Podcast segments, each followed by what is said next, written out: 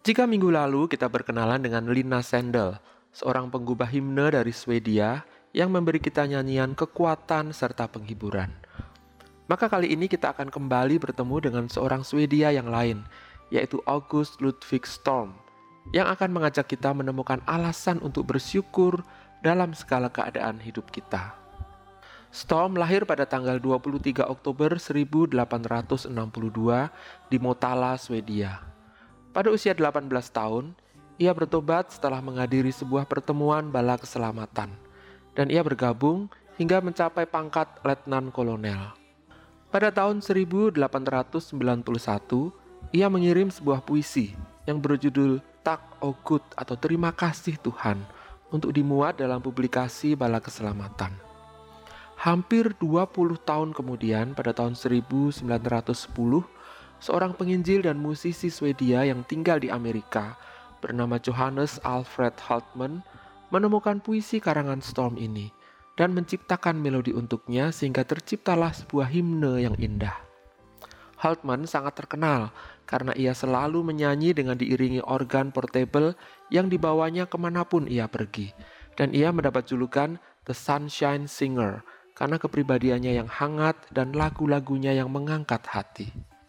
Melalui tur penginjilannya ke seluruh Amerika dan Swedia, himne ini menjadi semakin dikenal oleh banyak orang, baik dalam bahasa aslinya maupun dalam bahasa Inggris. Sebenarnya ada dua versi terjemahan himne ini dalam bahasa Inggris. Yang pertama adalah oleh Carl Beckstrom dan yang kedua oleh Norman Johnson pada tahun 1970. Versi yang digunakan oleh tim nyanyian GKI untuk menerjemahkan himne ini ke dalam bahasa Indonesia pada tahun 1989 adalah versi terjemahan Norman Johnson.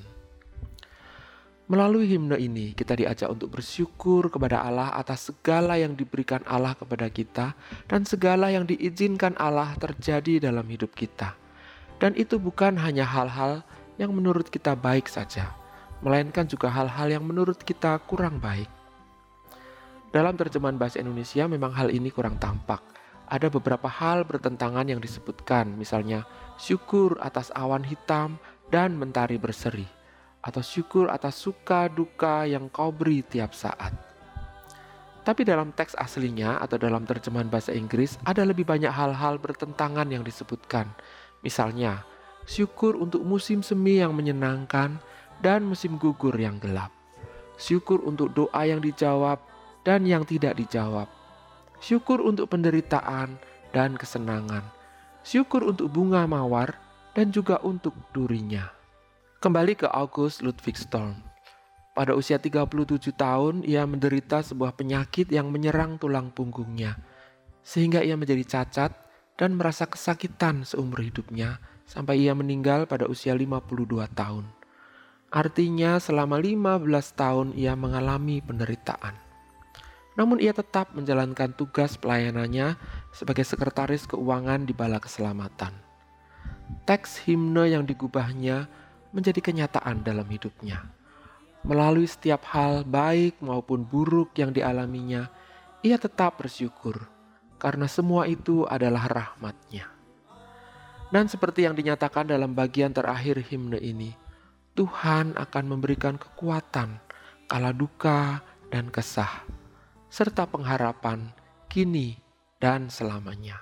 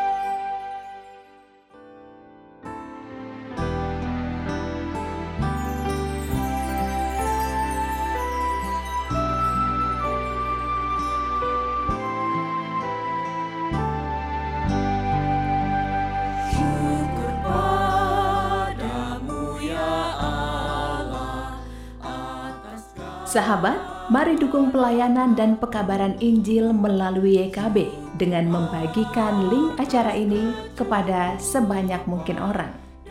Dukungan juga dapat saudara lakukan dengan mentransfer dukungan finansial ke rekening BCA ke nomor 450 305 2990 450 305 2990 atas nama Yayasan Komunikasi Bersama.